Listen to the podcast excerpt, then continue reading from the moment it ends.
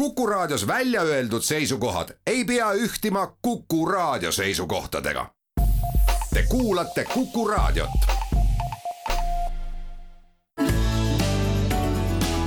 keskpäevatund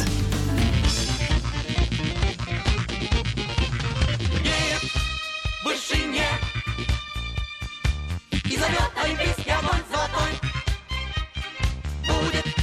земля счастливой молодой. Нужно сделать все Чтобы олимпийский огонь не погас Солнце стартует в небе, как первый раз.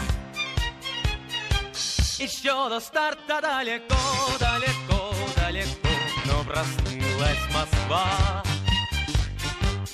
Посередине праздника, посреди земли. Ах, как шагают широко, широко, широко по восторженным улицам.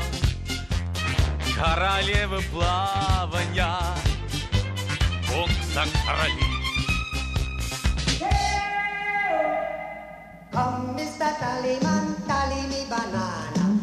Uudiseid koduvabariigist. tere, siin on Keskpäevatund ja Kuku raadio, Tallinna stuudios Ainar Ruussaar, Sergei Metlev ja Priit Hõbemägi. kuulasime ühte vana laulu, see oli irooniline meenutus minevikust. Moskva tuhande üheksasaja kaheksakümnenda aasta olümpiamängude üks tunnuslaule ja esitajaks toonane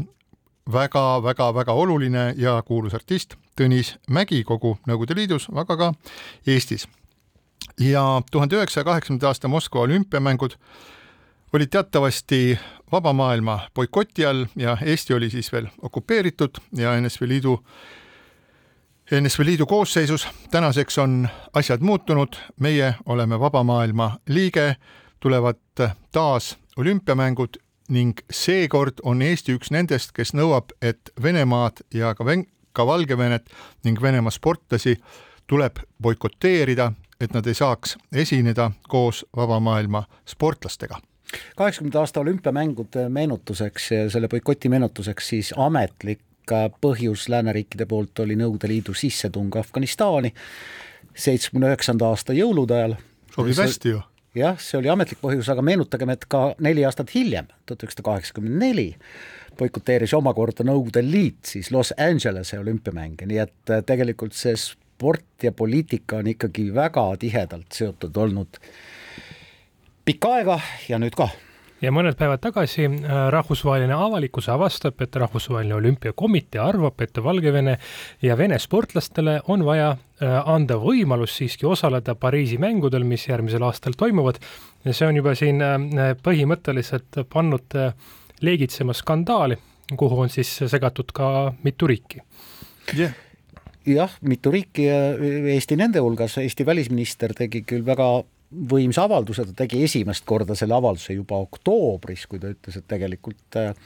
Venemaa ja Valgevene äh, nii-öelda passi omavad sportlased ja seal äh, hingekirjas olevad sportlased ei tohiks olümpiamängudel osaleda, neid ei tohiks sinna lubada. nüüd rahvusvahelise olümpiakomitee president Toomas Bach on selline mina ei olegi aru saanud, kuidagi vingerdab, et tegelikult ju võiks lubada, kui kui lipuvärvi noh, nii-öelda spordidressil ei ole, noh, mis ei tähenda iseenesest ju mitte midagi, sellepärast et see ei ole õige, õige boikott. ega mina ei tea ausat vastust no. ma arvan, et agressorriigi äh, passi omav ja selle riigi lipu all võistlev sportlane tõepoolest ei peaks rahvusvahelistel võistlustel osalema. see, mis sa alguses ütlesid, on ju suurepärane näide sellest, et eh, kuidas väärtuspõhiselt siis ka spordimaailmas tuleb tegutseda. et kui Aasia sisemaal paiknevale Afganistanile kallaletungimise eest äh, sai, boikoteeriti Nõukogude Liitu, siis kui nüüd Venemaa ründab ja tungib kallale ja ja sooritab tohutuid kuritegusid siis Euroopas asuvas riigis siis ma ei näe küll absoluutselt mingit põhjust, mikspärast sedasama loogikat ei saaks jätkata. Ja, ja, ja ajab mind nagu ausalt öeldes segadusse ka, mispärast Rahvusvaheline Olümpiakomitee sedasama loogikat ei rakenda ja miks seda talle meelde ei tuletata? ma ühte loogikat siiski näen, ma näen seda loogikat, kui nüüd jätta poliitika kõrvale ja püüda panna ennast selle minu jaoks arusaamatu Toomas Pachi saabastesse siis noh, ilmselt äh, võib ta mõelda ka niimoodi, et noh, äh, olümpiamängudel on tähtsad ka rekordid, tulemused ja nii edasi ja et selline suur riik nagu Venemaa võib neid rekordeid ja tulemusi tuua ja need äh, jõuavad ajalukku, aga noh, unustame need praegu ära siis. ilmselt siin on veel igasuguseid motivatsioone, me kuulsime siin hiljuti, et äh, president Biden võttis ka seisukoha, et kui nad esinevad ilma riikliku sümboolikata, lihtsalt sportlastena oma nimedega, siis tulgu. et see tegelikult on suurtel lääne, lääneriikidel, kellel ei ole Venemaa ees ilmselgelt suurt eksistentsiaalset hirmu, sest need on näiteks tuumariigid, ähm, need sageli mõtlevad lihtsalt hoopis teistmoodi kui meie siin. meie oleme sunnitud mängima täispangale, peale, sest eh, kui Venemaa tugevneb ja võidab, siis me võime lihtsalt kaduda nagu tolm. seetõttu me peame võitlema lõpuni igas aspektis. aga USA-s mõeldakse niimoodi, no me peame ju osa neid venelasi hõlmama. Neid, kes võib-olla sisimas on Putini vastu, aga ei saa seda välja öelda karjääri mõttes, toetama neid kaudselt. et see on selline nagu mitmekihiline mäng, mis tegelikult jah, ta on topeltstandard, aga nemad justkui arvavad, et nad saavad seda lubada endale no see ole ju see lähenemine ei ole ju tegelikult kuskile viinud, et Euroopa Liidu üks äh, lähenemisviise oli väga kaua aega, et äh, Venemaalt pärit noortele tuleb siis anda võimalikult palju õppimisvõimalusi, Euroopas tuleb anda Euroopasse liikumise võimalust äh, selleks, et nad näeksid, kui hea on elada vabas maailmas, et nad omandaksid siis demokraatliku maailma põhiväärtused, läheksid tagasi, asuksid Venemaad muutma. nüüd me tänaseks oleme näinud, et mitte midagi taolist sisulist ei ole juhtunud mitmesugustel põhjustel, küllap üks ähm, põhjus on see, et inimesed kõige, kõige rohkem muidugi äh, hoolitsevad selle eest, et oma nahk oleks terve ja seal äh, ole, nähes kas või siis äh, Vene televisioonist seda, kui jõhkralt käitutakse demonstrantidega, et võib-olla ei ole jah, et noored mõtlevad, pole mõtet sinna minna, samas kui ma vaatan kaadreid, mis toimub Iraanis, kus kaheteist, kolmeteist, neljateist ja viieteist aastased tüdrukud lähevad tänavatele, kus neid ründab märuli politsei, kus neid võetakse kinni, kus neid vägistatakse, kus nad kaovad jäljetult ja nad jätkavad ja jätkavad ja jätkavad ja ütlevad, et me ei jäta enne, kui me saavutame mingisuguse muutuse. ja siin see, kui, kuidas ühes riigis ja noh, ütleme, Iraan kindlasti on terroririikide nimekirjas siis samasugusel pulgal nagu koos Venemaa ja Põhja-Koreaga, et kuidas seal lapseeas tüdrukud julgevad protestida ja Venemaal haritud ja elu näinud eh, inimesed, kes on paremat elu näinud, ei julge seda ja see on ausalt üks asi, ma ei, ma ei suuda lihtsalt nagu aru saada. jah, massilisi proteste tõepoolest Venemaal ei ole olnud, küll aga eh, paar päeva tagasi enne imet Berliinis, mis on Saksamaa pealinn, oli võimas meeleavaldus, kus Berliinis elavad noh, Venemaad toetavad inimesed marssisid Vene lippude all ja ütlesid, et Venemaal on õigus võtta tagasi oma ajaloolised territooriumid. see toimus Berliinis, nii et maailm ongi natuke sassis, millest on tõepoolest, Priit, kurb ja millele sa viitasid, on see, et noh, need väga paljud sellised konfliktikolded nagu Iraan, Iraak, muide ka Afganistan, kus naiste õigused on täiesti jalgade all, on nagu suurest pildist kuidagi tahaplaanile jäänud jah, ja seda muidugi sõja pärast Ukrainas. just, aga kui sa rääkisid sellest, mis toimub Saksamaal, siis äh, ega sellised asjad ei saa ju toimuda muidu, kui äh, valitsev võim peab olema mingis mõttes nagu segaduses, et, et milliseid mida me peame siin tegema, milliseid väärtusi peame siis äh, peame rõhutama ja mida teha nendega, kes neid väärtusi ei hinda, et selge, et äh, noh, on päris selge, et kui Berliinis toimuvad siis äh, Vene äh, Vene terrorismi või riiklikku terrorismi toetavad meeleavaldused, et see ei ole ju mingisugune spontaanne selline meeleavaldus, et inimesed helistavad teineteisele, et ütlevad, kuule, Sergei, jah, kuule, Ivan, et kuule, aga lähme võtame lipud ja, ja lähme tänavale. see on selge, et seda kõike koordineeritakse Moskvast, et kellaajad, kõik sotsiaalmeedia äh, kaudu organiseeritud kõike, kuidas siis äh, Venemaa organiseerib taolisi äh, üritusi mitte ainult Saksamaal, vaid ka näiteks valimiste ajal Ameerika Ühendriikides, seda on põhjalikult ja teaduslikult uuritud, kindlad meetodid, kuidas seda tehakse, kõigepealt tekitatakse siis sotsiaalmeedias selline selline elevus ja õhin ja siis viiakse see tänavatele, teatatakse inimestele, aga seal toimub selline ja selline üritus, kusjuures see üritus hakkab toimuma siis, kui kõik need inimesed, kes seda juttu usuvad, et seal toimub, lähevad vaatama, mis, mis seal toimub, ja nad ise tekitavadki selle ürituse, enne seda midagi ei olnud, nad on lihtsalt sinna manipuleeritud. absoluutselt õigus, aga noh, Berliin on selles mõttes ikkagi märgilise tähendusega, et kui Venemaa suuremad uudiskanalid Venemaal näitavad seda, kuidas sajad inimesed Vene lippude all marsivad mööda Berliini suuri tänavaid, selleks, et öelda, et Venemaa peab kaitsma oma territooriume mm., mille nad on jõuga mm. okupeerinud Ukrainast, siis noh, see ongi poliitilise no, märgiga üritus. siin on ka see asi, et noh, Lääs sisuliselt ju ikkagi elab endiselt selles unelmas, eks ole, et et noh, on küll seal see, see kuri võim, aga noh, eeskätt tegemist on ju Tšaikovski ja Puškini ja Dostojevski riigiga ja see on minu meelest kõige suurem, see on kõige suurem noh, probleem, enesepetmise küsimus. Vene rahvas on oma enamuses läbi imbunud ideest, et ta on teatud äh, kriteeriumi alusel ülemuslik ja peab pakkuma teistele rahvastele jutumärkides seda kaitset ja tsivilisatsioonilist heaolu ja seda kõike inimesed on nakatunud sellega nii, nagu ollakse nakatunud surmava viirusega ja see viirus lihtsalt areneb ja sööb järjest rohkem rakke ära. ja Saksamaa on ülihea näide põhjusel, et ta on täpselt kiilunud seal kinni selle vahel, et öelda, et me nüüd peame totaalselt ümber mõtestama Venemaad ja selle Schröderismi vahel, et aga mulle tundub, et millimeetritega iga jumala päev Saksamaa liigub sinnapoole, et võtta see roll, mis talle suuruse mõttes kuulub, lääne väär väärtuste kaitsja rolli. väga hea, aga siis räägime natukene siis äh, Saksamaast, et Saksamaa põhiprobleem praegu on tõepoolest nagu peataolek selles mõttes, et mida iseendaga teha ja mida teha siis suhtumisega Venemaas. et seal on ka nagu traditsiooniliselt olnud nii, et Vene suhteid on siis sotsiaaldemokraadid hallanud ja ja siis Saksamaa ühendamist kristlikud demokraadid ja tegelikult ei ole nad teineteist seganud, sest on selline nagu omavaheline jaotus ja nüüd korraga tuli välja, et see nii-öelda positiivse hõlvamise katse et äh, siduda Venemaa, see on nagu, mille tipp oli siis nagu Merkel oma gaasi- ja naftapoliitikaga, et siduda Venemaa kõikvõimalike Venemaa jaoks soodsate gaasi- ja naftalepingutega, et siis nad saavad aru, et ikka business on ikka hoopis parem, kui kellelgi ajusid pesta ja kedagi maha lüüa. ja sellest on nüüd aru saadud, et see ei funktsioneeri sellest pole olnud mingit kasu, pärast seda siis, kui nüüd, kui tuli, äh, tuli Schröder, siis äh, kes on juba isikuna selline, kes ei ole kunagi tahtnud mitte midagi otsustada, kui alles, alles viimases hädas, siis nähakse, et ka see, nagu see praegu on see Schröderi, et ootame ära, mis nagu toimub,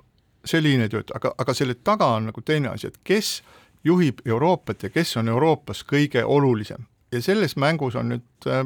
järgmised äh, nagu tegijad.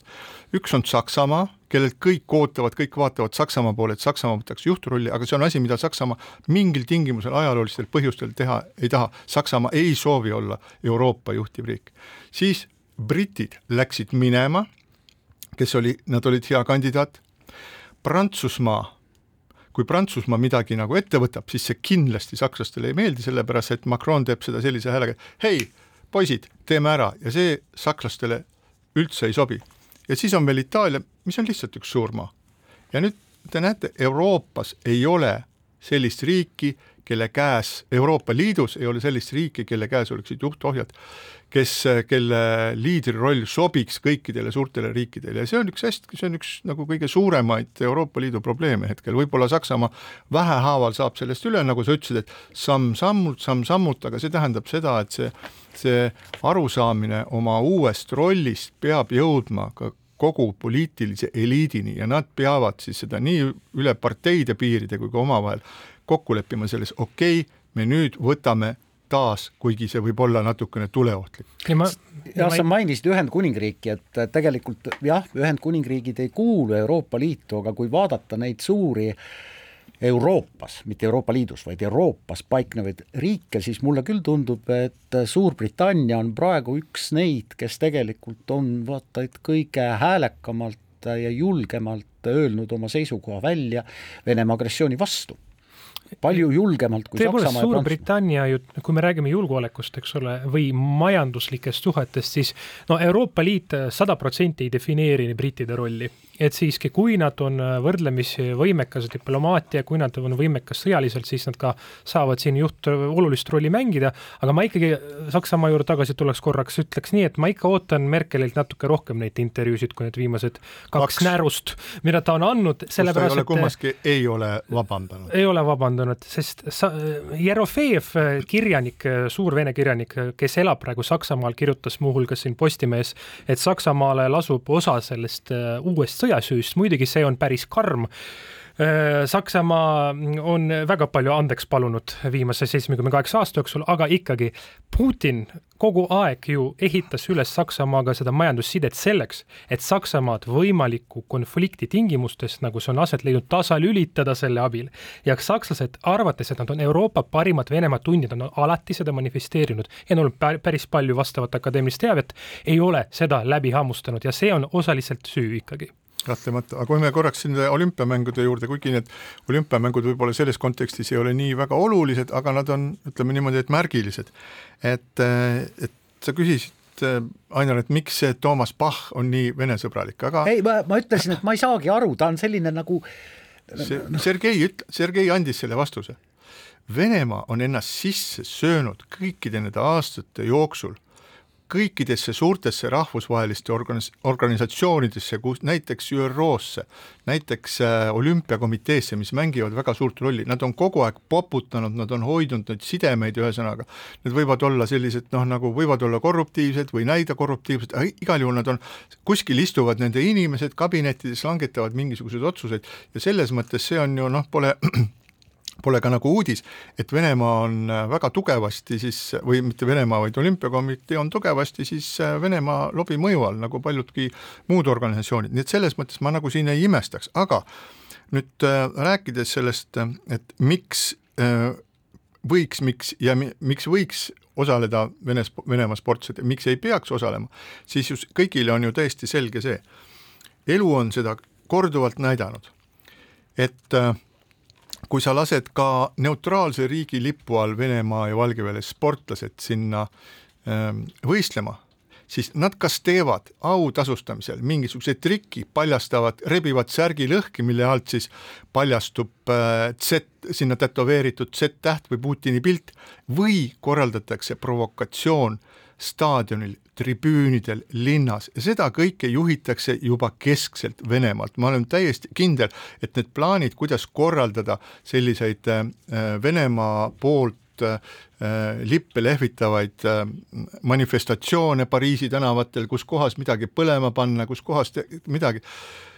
Venemaal on nii palju ressurssi, seal selle kallal töötatakse, need nimekirjad on valmis, kus kohas korterid on üüritud ja, ja, ja täitsa ma siin siin lapsik teha nägu, et see ei ole. ärme unusta, et Venemaal mitmed äh, spordiklubid on osa sõjaväest, armeest, nendel sportlastel nagu CSKA tüübid, eks ole, neil on tegelikult ju äh, pagunid. okei okay,, nad ei ole tegelikult seal kasarmutes käinud, aga siiski, see on nende traditsioon. nii on jah, et, et tegelikult noh, ühtepidi on kurb, et me elame maailmas, kus noh, selline suursündmus nagu olümpiamängud peab poolelt või teiselt äh, olema mõjutatud boikotist, aga mina küll arvan, et kui rahvusvaheline olümpiakomitee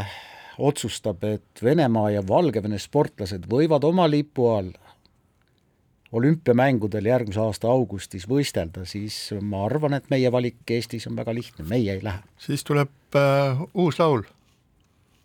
olümpiamängudest. ja väga paljud ja mitte sportlased vene kurv- keeles. ja väga paljud sportlased kurvastavad ja mina kurvastan koos nendega, aga midagi ei ole teha. see Kahtlemata. on, siin on minu meelest mustvalge valik. kahtlemata, aga läheme selle juurde, et ähm, Tallinnas oli ju planeeritud suur äh, jumalateenistus Aleksander Nevski katedraalis koos kohalike siis õige, õigeusklike äh, nii Moskva patriarhaadi kui siis ähm, Eestile alluva äh, Vene Õigeusu Kiriku poolt, mis ja see lugu on natukene segane, mis, mis tänaseks on ära jäänud, aga mille tulemusena siis metropoliit äh, Jevgeni või Eugene või mis iganes keeles seda Rešetnikov. ja Rešetnikov kutsuti siis äh, vestlusele siseministeeriumisse ja millesse omakorda oli segatud siis üks kuulus aferist kes üritab igast võimalikust olukorrast lõigata mingisugust poliitilist kasu. vot Eugeni on ikkagi omaette tüpaaž pärast pikki aastaid seda rahulikku Korneliuse olemist, kes oli, ta oli Eesti inimene, Gulagi laagrist läbi käinud ja üldse oli väga tark ja vaoshoitud. Eugenit hääletati kirikukogul nii palju, kui mina olen aru saanud, ka sel põhjusel, et üks asi on Moskva soovitus, teine asi on see, et niisugune diplomaadi natuur, et ta nagu ei peedista nii palju kohalikke vaimulikke, ei ole nii karmikäeline, aga see, mida ta väljaspool oma nagu siseelu teeb, see on ikka hämmastav. kas te teate, et ta üritas Lasnamäel räpp-festivali ära keelata? Kaks tuhat üheksateist, pöördus Kõlvarti poole, Kõlvart siis, Kõlvart delikaatselt keeldus sellele päringule vastamast. Ja siis ta ka äh, näiteks pronkssõduri eest potseeris seal vabastajatest rääkis ja nüüd on see koos liikumisega siis afäär, mis lõppes siis täieliku fopaaga, äh, liiga palju prantsuse keelt. Äh, ja siis äh, ta on lihtsalt teisest kultuuriruumist. Venemaal olemas trobikons päris nagu suur hulk vaimulikke, kes peavad oluliseks väärtuseliselt mõjutada avalikku elu, nad sekkuvad, nad arvavad, et neil on poliitiline kaal ja see Eugeni noh, tüüp ongi selline, kes nagu otsib võimalusi tugevdada kiriku kuvandit, et ta lihtsalt ei loe märke. kuulge, Ukrainas käib sõda ja tema kiriku pea on põhimõtteliselt kaasosaline ja tema peab olema omaenda usklike nimel, oma organisatsiooni nimel tasane ja vaikne ja väga diplomaatiline. no nüüd siis sai teist korda nagu vastu pead siseministeeriumi poolt kujundlikult väljendudes, no ja nüüd äkki siis nagu natukene õpib sellest. no jaa, ähm, Eesti siseministeeriumi väide oli ka muidugi päris karm, et äh, me võtame sult lihtsalt elamisloa ära sest ta on Vene kodanik. jah, ja siis sa ei saa lihtsalt enam Eestis elada. aga äh, metropoliit ähm, jah, äh, nagu sa viitasid, ta on tõel-, tõeline diplomaat, küll lubab äh, teha rahu hüvanguks jumalateenistuse Eesti parlamendihoone vastas asuvas kirikus ja siis, kui asi läheb nagu natukene tõsisemaks ja karmimaks, siis ta ütleb, et muide, ta ütles, et ta ei toeta äh, Moskva ja kogu Venemaa patriarh Kirilli vaateid Ukraina sõjal, nii et tegelikult kuidagi, kuidagi nagu kogu aeg laveerib, aga, aga ega meil, ma ei tea, võib-olla Sergei, sinul on, minul ei ole andmeid. Äh,, äh kapol arvatavasti on, kui palju neid, kes käivad siin noh, iganädalaselt äh, Vene õigeusu kirikus jumalateenistuses, kui palju neist tegelikult noh, nagu arvavad, et see Venemaa äh, agressioon Ukraina vastu on õigustatud, ega me ei tea seda. tuleb arvestada sellega, et kohalik Moskva patriarhaadi Vene õigeusu kirik on äh, asutus, mis äh, aitab inimestel, kohalikel venelastel äh, võimendada oma kultuurikuuluvust, nagu vene kultuurikuuluvust. Need, kes on niisugused nagu noh, väga-väga tõsiselt usklikud, kes on seotud kirikuorganisatsiooniga otseselt, eks ole, et no need, need elavad natuke nagu paralleelühiskonnas, natuke eraldi nagu Eestist ja seal muidugi noh, selle, selle, selle keeleoskusega nii, nagu ta on, et eesti keelt ju seal eriti ei valdata. ja Evgeni on selles mõttes minu meelest ka, on kolonialistlik nähtus, noh, istutati võeti Moskvas teised kombed, nad tegelikult ei tundnud ju seda maad siin, ikkagi see kohalik Moskva patriarhaat on natuke omaette, oma välja kujunenud mingisuguste arusaamadega ja, ja siis noh, see mõju, mis ta nagu lõppkokkuvõttes teeb kohalikele õigeusklikele, et ma arvan, et see on nagu negatiivne, ta nagu tirib nagu neid välja päevavalgele, kus nad väga olla ei taha. jah, aga ma arvan, et ka see, mis sa tsiteerisid, et mida siis, mida siis äh, Eugene on öelnud, et, et jah, et ta ei toeta, siis ma arvan, et nii nagu korralikus sellises Vene, Vene süsteemis käib, helistatakse Moskvasse, öeldakse, et kuulge, mul on siin situatsioon, et ma, tead, ma pean ütlema, et ma ei toeta teid. no davai, öeldakse sealt. tee seda, peaasi, et sa sealt edasi istud. keskpäevatund. keskpäevatund jätkub Sergei Metlev, Ainor Ruussaar ja Priit Hõbemägi, aga räägime edasi Venemaa teemal, sest äh, neid uudiseid, mis sel nädalal on tulnud ja mis on Venemaaga seotud ja sellega, kuidas kuidas sellega käituda ja mida teha, nii et mingisugustki õigust jalule seada, et äh, neid teemasid on nagu hästi palju, olümpiamängudest me juba rääkisime, aga üks teema, mida välisminister Urmas Reinsalu on möödunud nädalal korduvalt esile tõstnud, on siis Venemaale kuuluvate varade äh, külmutatud varade realiseerimine eesmärgiga toetada siis Ukrainat, et Ukraina saaks mingisugustki kasu sellest, et ähm, kui teised riigid külmut- sankt-, sanktsioonide alla sattunud ja külmutatud varad siis kuskil ära realiseerivad, selle taustaks võib-olla tuleks veel öelda seda, et ähm, viimaste päevade üks uudis on see, et ka Venemaa teatas sellest, et Krimmis Krimmis asuvate välisriikide kodanike ja välisfirmade ja välisriikide varad realiseeritakse, müüakse maha ja osa sellest tulust siis antakse, kaetakse sõjakuludeks. nii et iseenesest on noh, kõlab nagu selline mm, sümmeetriline peegelmeede siis sellele, mida siis vaba maailm, vaba maailm kavatseb ja see, mis seal Krimmis toimuma hakkab, no et seal on ju, jõuti Ukraina Ukraina ajal jõuti sinna küllalt palju investeerida, seal on ka mõne Eesti ettevõtja suuremad investeeringud, mis on tänaseks sinna kinni jäänud, aga paistab nüüd, et nüüd ei ole siis enam seal mingisugust lootust neid tagasi saada. Siin Eesti on tublilt tegelenud selle, selle mm, nii-öelda esimese juhtumi tekitamisega, et saaks need varad äh, ära võtta Vene varad ja anda üle Ukrainale, aga siin USA jõudis siiski esimesena ja eile tuli uudis selle kohta, et äh, USA on konfiskeerinud viis koma neli miljonit, mitte väga palju, aga siiski see on pretsedent, äh, Konstantin Malofejevilt, kes on Vene oligarh olnud, olnud sanktsioonide all USA-s juba kahe tuhande neljateistkümnendast aastast ja riigidepartement annab selle raha üle Ukraina taastamiseks. ja mulle tundub, et me oleme mingisuguse täiesti uue äh, Äh, juriidilises mõttes ajastu lävel, kus äh, murtakse tasapisi seda dogmat, mis on olnud kümnendeid vanade suveräänsete riikide varade kallale ei minda. Talibani varad USA võib konfiskeerida, sest see on terroriliikumine, liikumine, mis on riiki põhimõtteliselt enda kontrolli alla võtnud, aga Venemaad ei puuduta. ja kui see peaks muutuma, ilmselt see tekitab väga palju segadust ja ilmselt ebakindlust ka, siin on Hiinal ka loomulikult omad hirmud, aga kui see õnnestub viisakalt teha niimoodi, et mitte õhku lasta tervet süsteemi, siis ma saan aru, et me saame päris, päris mitu suurt oblastit äh, Ukrainas taastada just nimelt Vene rahaga. Jah, äh, mitte siis meie siin Eestis, vaid kui me tõepoolest suudame ikkagi lääneriikides äh, omavahel kokku leppida, Eestis neid Vene varasid ilmselt väga palju ei ole, millest nüüd suurt raha saada, et Ukrainat toetada, aga sellel sammul on on emotsionaalne ja poliitiline tähendus ja see tähendus ja see märk võiks olla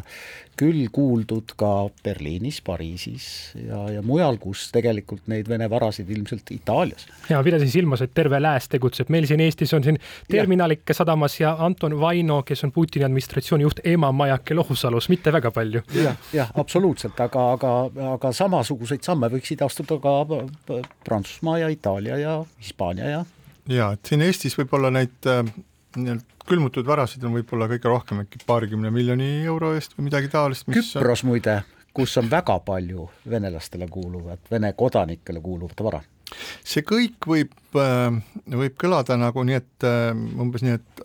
ahoi, poisid, teeme ära, aga tegelikult selle taga on muidugi tõeline selline legaalne juriidiline ämblikuvõrk. et näiteks Eesti seaduste järgi vähemasti praegusel ajal veel äh, peab olema tõestatud vist selle raha kuritegelik päritolu, ehk kõigepealt sa pead nagu näitama, suutma näidata seda, et see raha on pärit mingisuguste, on hangitud mingisuguste seaduste rikkumiste kaudu ja siis sa saad selle, ähm, äh, siis sa saad selle ära võtta, aga Äh, need on teatavasti asjad, mis nõuavad väga palju aega ja ma arvan, et suures osas Euroopa riikides on enam-vähem samamoodi, et nüüd äh, selline, et hurraa, võtame kõik korraga ära, et see põhimõtteliselt see ju äh, see lammutab ühte sellise rahvusvahelise koostöö ja demokraatia ühte põhilist nagu nurgakivi, et eraomand on puutumatu või omand on puutumatu, ta on selle oma, kelle oma ta on ja mis, mis iganes, et nüüd tuleb seal teha mingisuguseid äh, olulisi muudatusi, mis tähendab seda, et kui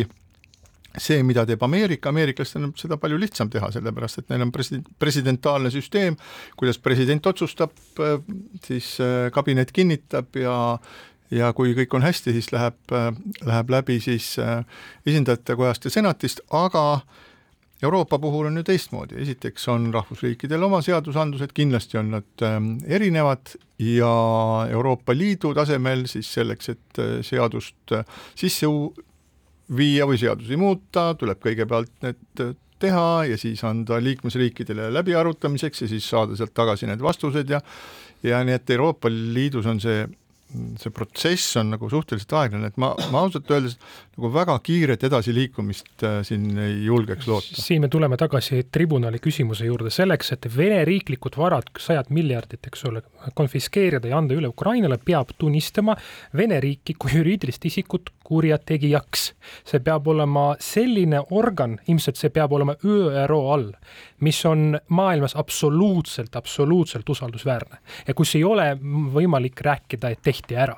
ja vot sellise organi loomine, selle töö juriidiline vormistamine on, on see suur pähkel. no see on, see on pikk ja suur pähkel jah, sest et noh, kui me vaatame ÜRO eh, noh, paberil kõige tähtsamat julgeolekunõukogu, siis noh, sealt ei tule ju mitte midagi. no see on ju Kolumbuse muna küsimus, et selleks, et seda lahendada, siis sa võid sama hästi võid panna kanamuna otsa peale laua peal seisma, sellepärast et niikaua, kuni Venemaa on Julgeolekunõukogu liige, mingisugust sellist tribunali ja vetoõigusega, mingisugust sellist tribunali seal olla ei saa, sellepärast et üks veto on alati peal, nii et ausalt öeldes väga keeruline on ette kujutada neid asju ja ma olen nagu, ma olen mõelnud, et need erinevad rahvusvahelised organisatsioonid ju tõestavad seda ähm, ajaloos siiski ennast juba hästi näidanud erinevate otsustusmehhanismide nõrkust, et kui sul on, kui sa annad kellelegi vetoõiguse, siis mm, satud sa ühel päeval probleemi ette nagu Venemaa ja siis äh, ÜRO-s. kui sul on konsensus nagu NATO-s, siis sa satud ühel päeval probleemi ette, seepärast sul on seal Türgi, kes lihtsalt kotib kõiki teisi. et mida iganes sa teed, millise sellise, sellise nagu suure struktuuri, struktuurse nagu äh, lahendite saamise süsteemi sa valid, mõlemat, mõlemasse on ikkagi sisse ehitatud sellised lõksud, et noh, kui sinna, sinna oled jalgapidi sisse sattunud, ei saa jalga kätte, noh nojah, vot aga, aga samas noh, kui me räägime, et me peaksime looma veel uue rahvusvahelise ma ei tea, kohtu, mis hakkab tegelema Venemaa kuritegudega Ukrainas, siis see eeldab ka teatavat riikide baasi, ehk siis seda ei saa luua kaks riiki või kolm riiki, selleks peab olema jälle mingisugune alus ja siis kui neid riike on kolmkümmend või viiskümmend, siis alati on keegi, kes ütleb oot-oot-oot ärme kihuta, pidurdage hobuseid ja nii edasi ja nii edasi. seal on küsimus kindlasti selles, et äh, USA ja Euroopa Liiduga ei ole tõenäoliselt mingisugust kahtlust, aga me võtame Hiina, Indoneesia, India, siis võtame Türgi, Türgi, Aasia, Aafrika riigid, kes nagu äh, väga positiivselt suhtuvad siis kõigesse, on, on Venemaa positiivselt meelestatud tänu sellele, et siis Venemaa lihtsalt ähm, Nad näevad Venemaad kui siis toiduabi, olulist toiduabi andjat ja selge on see, et Venemaa üha rohkem,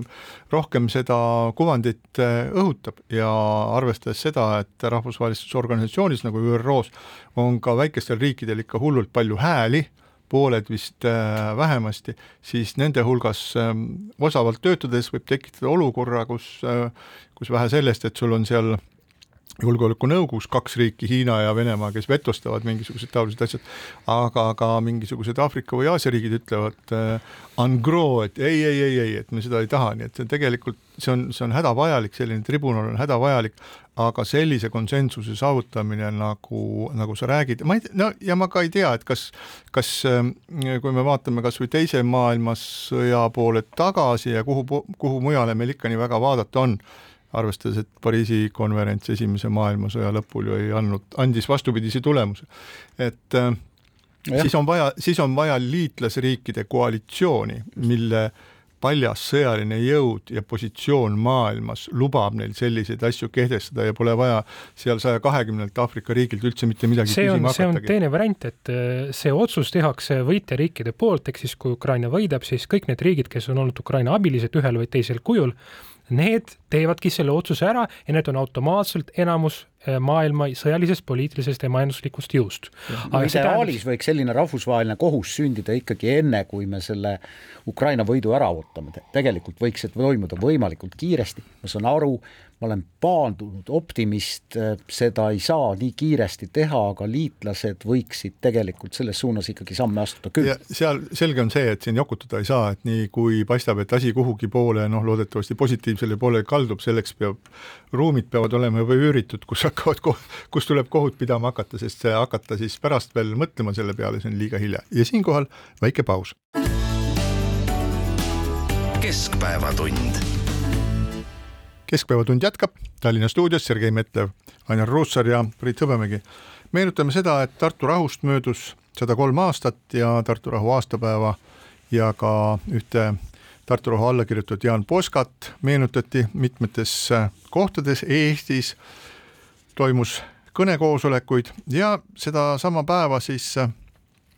ilmestas ka tõrvikurongkäik Tartus ja see tõrvikurongkäik tekitas ühe meemi ja tänapäeval palju sellisest isegi rahvusvahelisest suhtlemisest käib meemide ja Twitteri pildikeste järgi, et seal oli üks isik, kes osales sellel tõrvikurongkäigul ja tal oli selline, juuksed olid tal tumedad juuksed olid üle lauba risti või põiki kammitud ja nina all olid väikesed vuntsid ja siis see meem, ta natukene selliste kurbade silmadega vaatas kaamerasse, tõrvik käes ja ja tagapool ka helendavad tõrvikud ja see meem läks kohe liikvele ja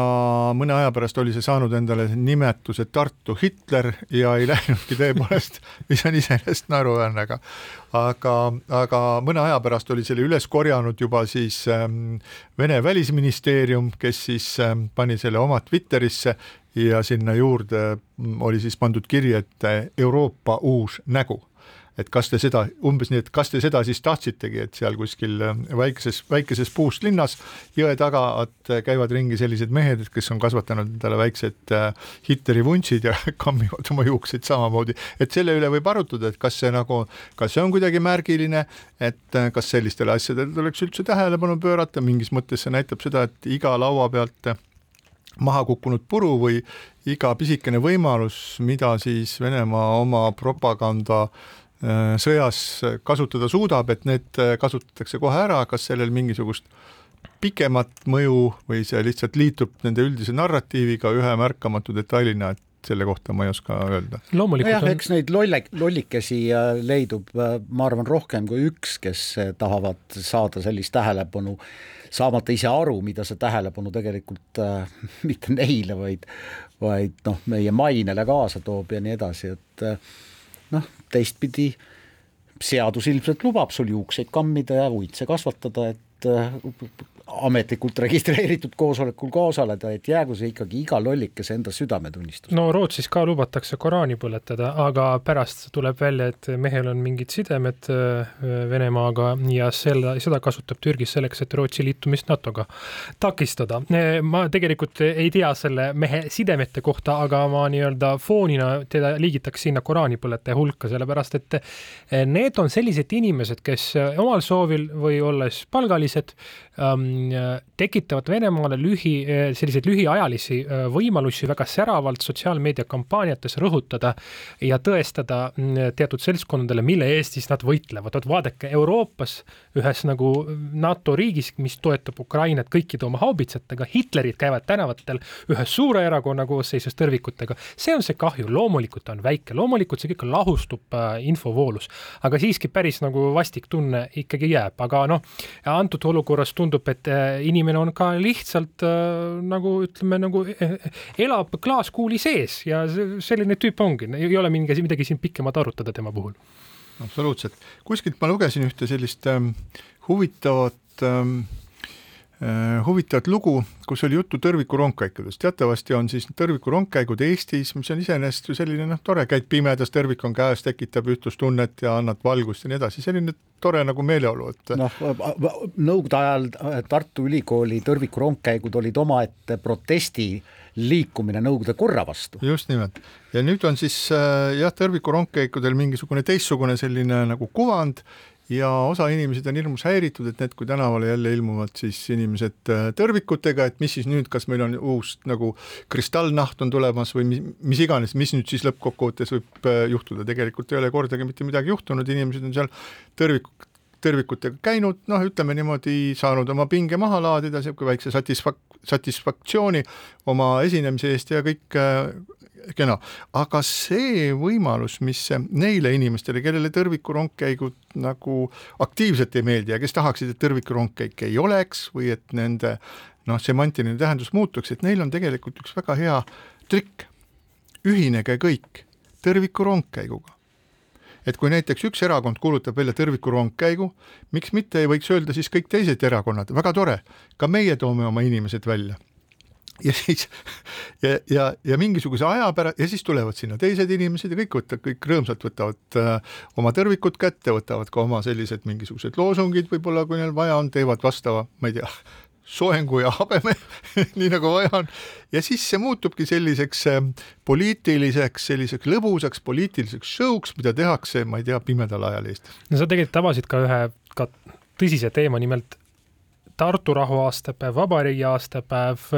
iseseisvuse taastamise päev. meil tegelikult ei ole niisuguseid nagu suuri rahvast ühendavaid üritusi üle Eesti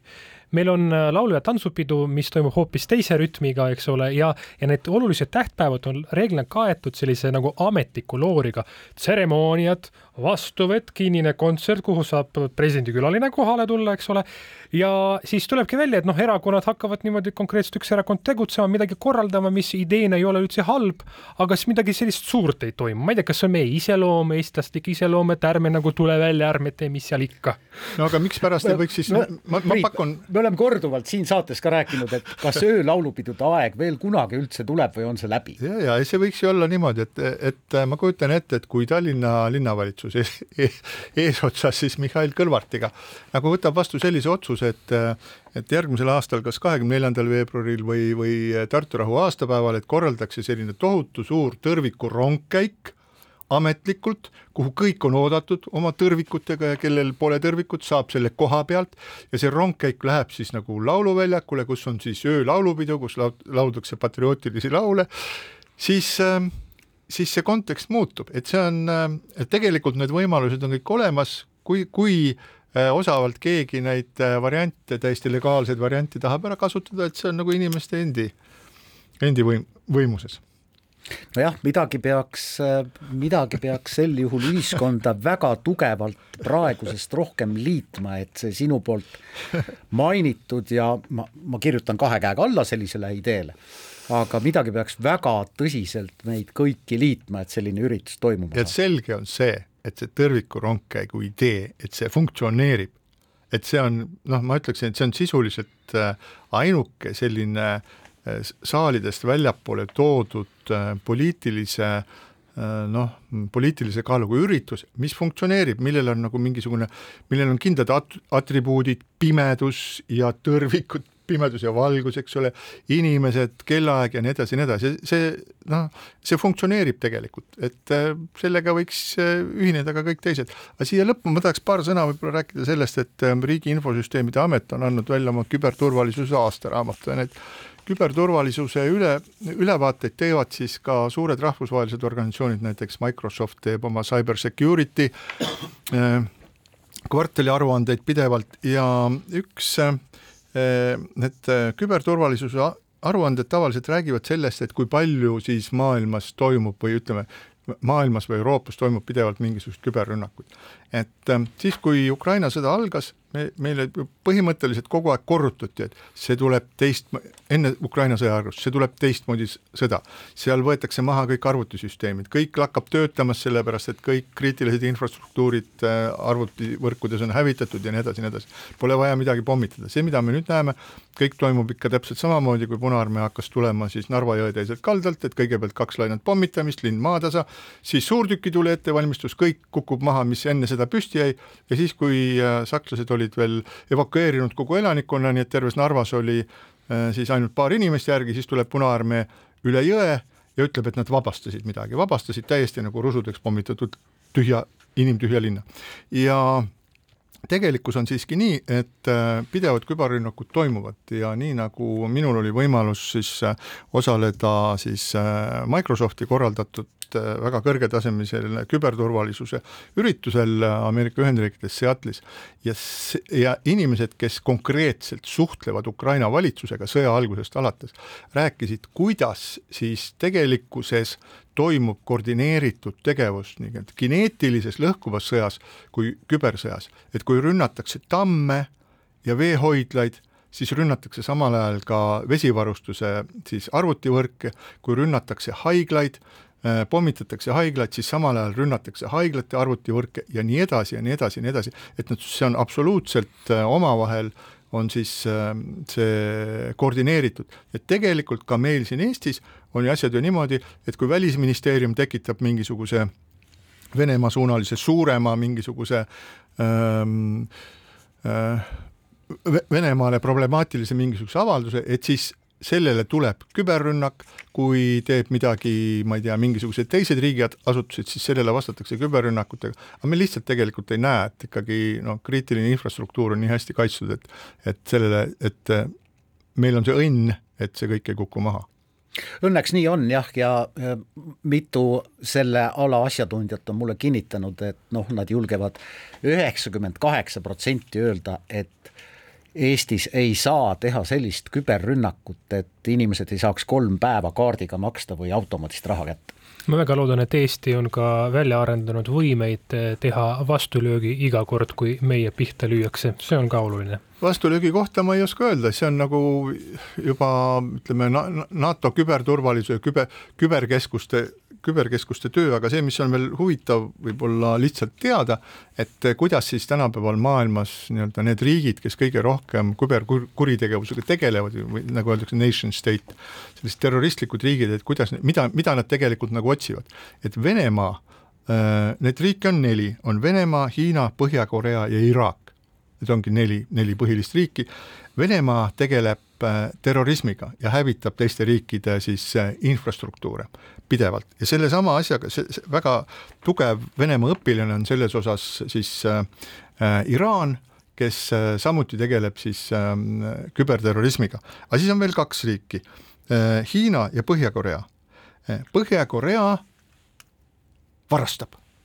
Põhja-Korea varastab Bitcoine sellepärast, et neil on raha otsas ja neil on vaja kuidagi ennast äh, üleval hoida. ja Põhja-Korea varastab Bitcoine ja Hiina koostab endale mingit globaalset nagu andmebaasi. Nad varastavad andmeid, mida nad nendega teevad, seda me ei tea, loodame, et me ei saa kunagi teada, et see meieni ei jõuagi. aga siinkohal täname teid kuulamast ja kohtume taas nädala pärast. keskpäevatund